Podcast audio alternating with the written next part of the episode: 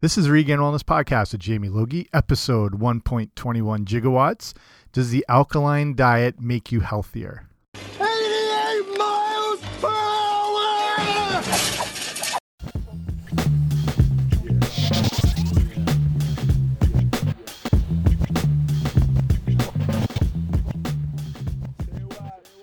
Hey guys, what's happening? Welcome back to the podcast. I'm Jamie Logie. I run regainedwellness.com, and this is the Regained Wellness Podcast, episode 121 or 1.21 gigawatts. If you're remotely a fan of Back to the Future, uh, which I am very much so. So today's episode is about the alkaline diet, which you may or may not be aware of it because it's not a diet per se, but it's the idea of eating foods that promote more of an alkaline environment in your body compared to an acidic environment. And the differences between those two things um, how they make you healthier or less healthy um, you know how you can kind of incorporate those sort of foods. Just it's a little more education just on the whole issue because like i said it's not a specific diet that you follow it's just more of the approach and the lifestyle and how your body works specifically with these foods. And I'll give you the whole rundown on the whole issue. But uh, before we get into that, if you haven't already, make sure to subscribe. Uh, basically, wherever you get your podcast, whether it's iTunes or Stitcher Radio or Google Play Music, all those things, I should be there. That way, you get the shows automatically sent to you each week. And uh, yeah, then I don't have to mail them or hand deliver them. They're just automatically appear. And this weekend was uh, Adam West, the original Batman, passed away, which is kind of sad. So I thought, uh, as I usually do, transitioning into the different parts of the show, we'll uh, use Batman to get us there. So with the alkaline diet, again, this is the wrong term. There's just not a better way to say it because when you say the word diet, it, it sort of implies something negative as it kind of alludes to a restriction or denying yourself. Like when you think diet, you got to like cut stuff out. You got to avoid it. Um, whatever the, the the right approach, like I was mentioning, is is more of a healthy eating lifestyle. Whether that's you know Mediterranean diet or eating paleo or vegan or vegetarian. It's not a diet per se. It's just how you know how your life um, is sort of focused on this diet. The whole lifestyle is encompassed. So, like, yeah, when I say alkaline diet, it's just an easier way to kind of sum up the whole thing because um, a healthy eating lifestyle is more about including as much beneficial nutrition as possible. And that's basically what the alkaline diet is. So, it can go pretty deep science wise, but I'm going to keep it pretty simple as far as the definition of it is consuming foods that put your body in more of an alkaline state as opposed to an acidic state. When you're in an acidic state, it's when your body can really be made vulnerable to illnesses, um, diseases. It's just a very, when you're in this acidic state, your body is just kind of, it's like its defenses are down. It's more prone to a lot of um, issues that do, that doesn't happen when you're in an alkaline state. So we measure this is if you remember back to school, whether it was high school um, biology or chemistry, or if you did it in public school, we measure whether something is acidic or alkaline on the pH scale. If you remember that, and the pH scale goes like this: from zero to seven, it's considered acidic seven is considered neutral, and seven to four is alkaline. And that's the idea. Basically, foods are either acidic or they're alkaline. There's no in between. The only thing that's neutral is water. Everything else can have a different effect on your body. So, I mean, if it's been a while and you don't remember those, you know, ratios and all that stuff, that's easily forgiven because that was a while ago. Even if you're wearing acid wash jeans in high school and you remember that, that's a whole different issue. But with the alkaline diet, and the people that really support it say that when you replace the acidic foods with alkaline type foods, you really start to drastically improve your health. So, the first step is eliminating those foods that can be seen as causing an acidic state in the body. And not surprisingly, on that list are going to be the things like that are on all lists to avoid. So refined grains, sugars, processed foods, alcohol.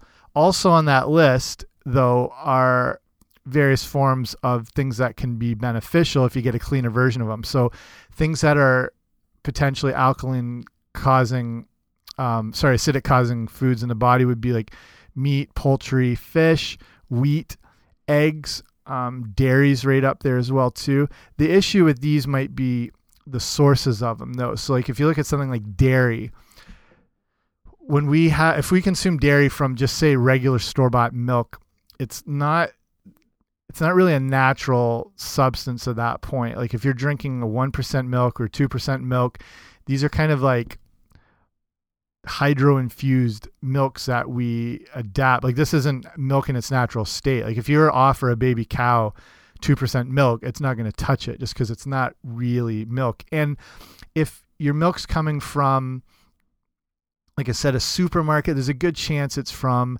a you know a factory feedlot confinement lot cow that tends to be so pumped full of hormones. Um, they're not eating a natural diet. They're eating a high energy grain diet. They're not moving. They're not active. They're not allowed to roam. They're not allowed to be natural how they're supposed to.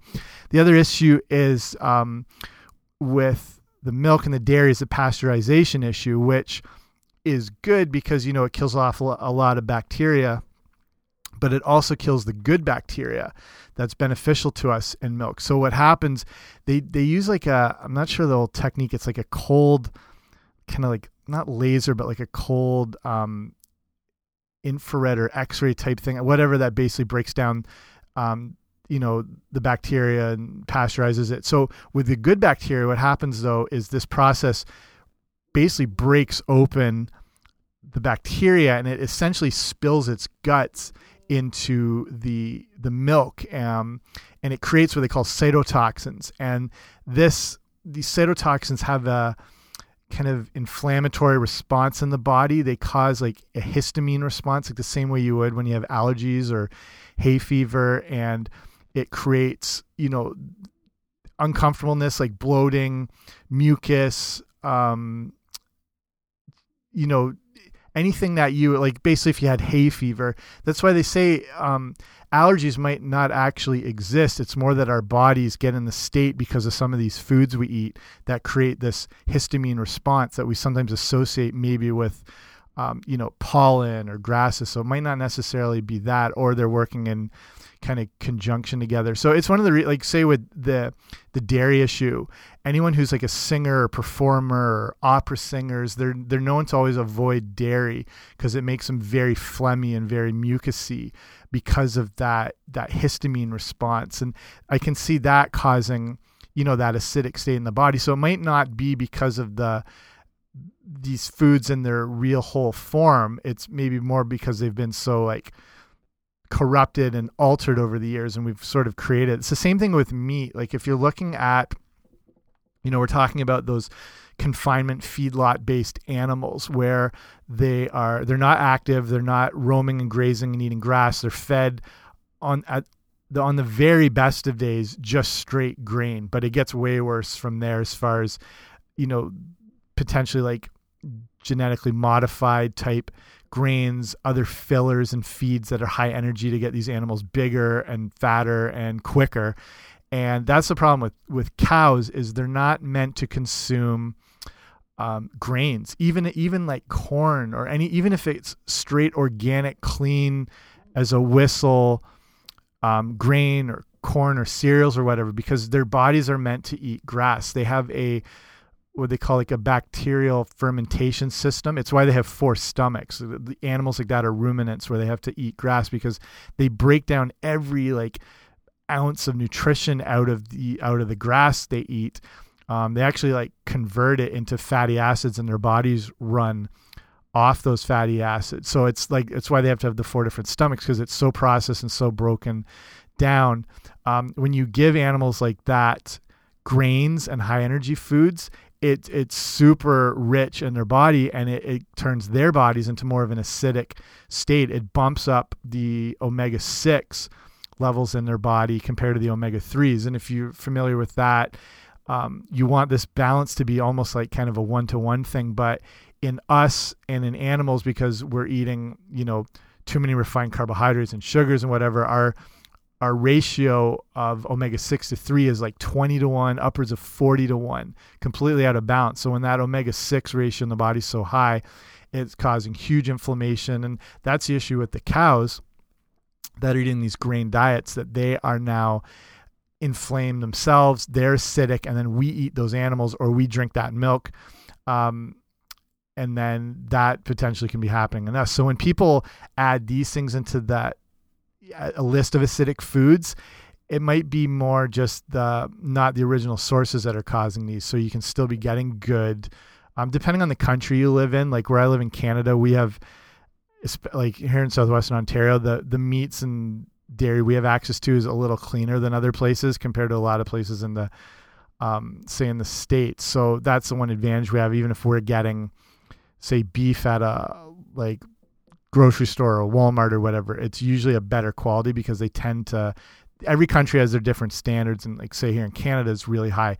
England has really usually pretty high standards for some of their beef for countries like New Zealand or or whatever. So that's just a side rant on the whole issue. But those are some of the things that are chalked up uh, as acidic foods. So what are some of the alkaline foods that you want to include to you know keep your body as healthy as possible? So it's going to be pretty much most fruits vegetables like non-starchy vegetables um, the darker green the color usually the better. Things like soybeans and tofu are on there nuts and seeds legumes they all keep your they all help keep your body in that alkaline state. But what you're looking at here are real whole foods and that can fit mostly um, or they can fit into a mostly vegetarian lifestyle too. So people who um, e even vegans can accommodate a lot of the um, foods that make up an alkaline diet not including the dairy. So ideally you want to go for the best stuff you can find specifically local and organic um, organic doesn't always mean that it's higher nutrition. It just it means it's grown without pesticides. You're avoiding a lot of these toxins and crap that can cause a lot of problems in the body. And you know, a lot of times it is more nutritious, but not that's not always the case. So some of these things like, you know, you can easily grow yourself. Like things like tomatoes, peppers, garlic, onions, they're so easy to grow in your backyard. They don't even take that much attention. Even like fresh herbs like basil, thyme, um, rosemary, they, they almost grow themselves. So they're pretty easy thing to do. So with the alkaline diet, then is it? If you wonder if it's for everyone, um, I'd say like ideally you want to keep your body in an alkaline state, and your blood is always at that state being around um, about a 7.34 to a 7.45 on the pH scale. So the difference is like your body's working in sort of different levels all the time. Like your stomach, um, for example, is highly acidic. It's around two to a 3.5. So remember, anything under seven is acidic. But this is critical though, as the hydrochloric acid in the stomach needs to be that way to break down food. That is the difference. You know, we're talking about the cows or ruminants that have a bacterial fermentation system to break down all those, you know, grasses and natural things like that. We have the hydrochloric acid system, which breaks down tougher things like um, peptides and fatty acids and all sorts of stuff. And it's the reason we don't have to be eating all day long. Like a cow has to spend all of its day grazing and eating, where we don't necessarily have to do that. So the problem that arises when you're testing and having a look at the pH scales in your body is that your urine pH and your blood pH can be different. And you've seen those little tabs, you know, where you can dip and then you get an idea of your pH scale. So this is a problem. A urine pH reading does not indicate the same thing in the blood. Um, so that can throw a lot of things off. The urine measurement may be high, but that doesn't give a good indicator of body pH and your overall health. So that's where this gets a little kind of muddled is there's really nothing you can do to change your blood pH as your body's going to regulate it itself. Like I said, your stomach is super acidic and the rest of your body functions in a different way. Um, so when you if you might be using one of these pH little tab things, you're not getting an ideal um, sort of snapshot of what's going on in your body. Another issue is the possibility of being deficient in other nutrients when you cut out quite a wide variety of foods. So when people go straight alkaline based food, they cut out a lot of those things, like I'd mentioned.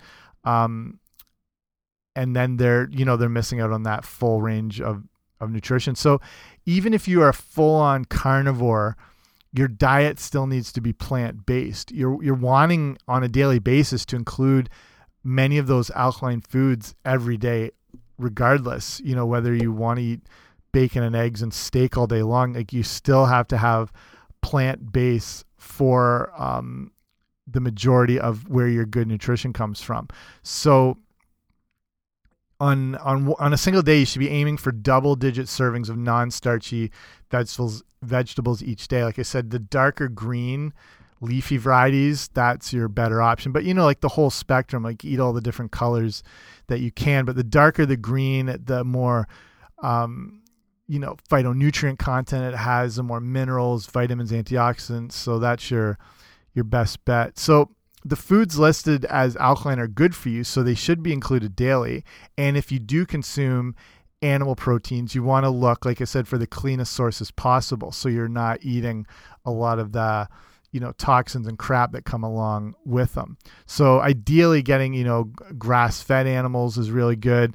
Um, that are free from hormones, you know, or chickens that are free range. Same thing with the eggs that they're not eating um, you know hormone filled feeds or they're treated hormonally and all that sort of thing. Um, so i mean that's that's what we're looking at with the alkaline diet. It, it's something that we should be following anyway. So i'd say one of the main things that the alkaline diet is based around is not just about what it includes but it's what it does not include. It's eliminating or removing all those things that you'd want to be removing anyway. There's no processed garbage or refined carbohydrates or junk snack foods. There isn't fast food. There isn't alcohol. There isn't trans fats. There isn't artificial sweeteners or high fructose corn syrups. Um, it's focused on real whole foods that are nutrient dense and natural. So, as far as if it if it is a diet or if it is good, it is really good because of what it promotes. It's promoting real whole foods and it's telling you, you know, even though it says, you know, don't consume dairy or eggs, if you find those things in their natural cleanest state, um, that changes the conversation a little bit. So if you're no, if you're talking about avoiding beef, that and it's you know a fast food burger that is you know made up of potentially a hundred different animals that is completely antibiotic filled trans fat filled hormone pumped from animals that are basically sick. Yeah 100% you should be avoiding that. But if it's you know if you can get beef from local farms where you know where they're raised that they're allowed to roam naturally to eat a natural diet there's no hormones they're not even eating grains and corn and stuff like that. They're allowed to graze and be truly grass fed. You know, that's a whole different situation. Um, with all those, like, with all this crap I said that's not in it to start with, when you start eliminating those things, is when you start seeing, you know, some improvements in your health and big improvements. Like, say, just cutting out, say, you drink a ton of soda um, just cutting so sorry pop if you live in the in Canada, soda in the states, soft drinks or whatever. Say you, you drink Coke every day, just cutting that out. The change that can do is it can almost be night and day. But when you start removing all those other things that don't exist as real foods or don't exist in nature, that's when you start seeing you know health transformations. You, when you make a, a point to include things off of that list of alkaline foods, you know, like the non starchy vegetables and legumes and all that sort of thing, uh, nuts and seeds, um, you know, throwing in, you know, like olive oil or avocados, coconut oil, all that stuff. You make it easier for your body to run optimally and for you to feel your best. So then when you start combining that with this is like what I'm trying to say is like when you look at something that's promoted this alkaline diet, um, don't look at it as a diet, look at it as um, the lifestyle and the you know promotion of those real clean you know superfoods that when you mix with like say good exercise and um, getting in adequate water through the day, getting quality sleep, reducing stress as best as you can, and that you know that kind of goes hand in hand with the exercise and the sleep. Um, when you do those things, it they it really reduces and eliminates stress. So that's when you start getting yourself on the road to true wellness. It's not um, diet is is I mean you hear percentages like it's 80% of your results or it's 70% and it, it's definitely the most important thing for your results but it does work hand in hand with all those other things um, you know at the very least if you're having trouble getting started with like say exercise or whatever if you at least get your diet under control that's you know two-thirds of you getting the way there. That's promoting the cleanliness and the health in your body. And then when you start adding in you know exercise here there and when you um, improve the quality of your sleep or if you start going to bed earlier um, that's when everything starts really kind of humming together like a, a well-oiled machine and each thing sort of enhances the other like say with the example of getting quality sleep they call sleep a force multiplier and that means it accentuates whatever state you're in so in the case of if your diet is really poor and you're not getting a lot of exercise and you don't get a lot of sleep, it makes those first things even worse health wise. Um, the the lack of sleep just kind of accelerates good or bad whatever's happening in your body. So when you are eating really well, you're exercising, you're drinking a ton of water, and you're cutting out a lot of those other things. And then when you get good sleep, it makes those things like the exercise, um, the health and the diet, it makes those enhance through the roof. So that's why that's what I say by sleep being a force multiplier. It has this effect on improving or um, continuing to make worse whatever kind of condition you're at at the moment. So you want to make sure those are all in place. But once they are, they they kind of have that like spillover effect and um, feed off each other. So that's basically it. It's just like I said, it's not that complicated a thing looking at this whole alkaline acidic issue. You know, avoid things that are acidic and, and build up more of those alkaline based um, things and then just kind of putting them all together into this um, combination. So it's not that it is a diet, it's just a healthy lifestyle approach. So hopefully that sums it up. Uh, like I said, it goes, it can go a lot deeper with the science, but that's kind of like the overall picture of it. So hopefully that gives you a little insight um, and encourages you to add in more of those cleaner foods, push away um, that crap if it's been making up part of your diet. So I'll cut it off there. Appreciate you listening. Like I said, make sure you subscribe. Um, if you want to see the show notes for this, um, it's regainedwellness.com slash 121 and that's just where I, you know, like sort of sum up the things, and you know, I'll put some references in that I talked about in here. Um, and when you're, if you haven't already as well, like if you're at the website, you can make sure to sign up for the email newsletter if you want to get a email from me. It's basically every couple of weeks, so it covers different relevant um, health topics, or I'll pass on information, things I basically just share over email. So if that's something you want, you can get that by signing up at regainedwellness.com slash guide. And when you do sign up, it sends you off a free ebook too, which talks more about like stuff I was talking here today, things you want to include in specific foods, um, the reasons, more reasons behind why you want to avoid the things I mentioned to avoid. It's got some recipes. Yeah, pretty good. So that's regainedwellness.com slash guide. So thank you for listening, and let's have Batman take us out.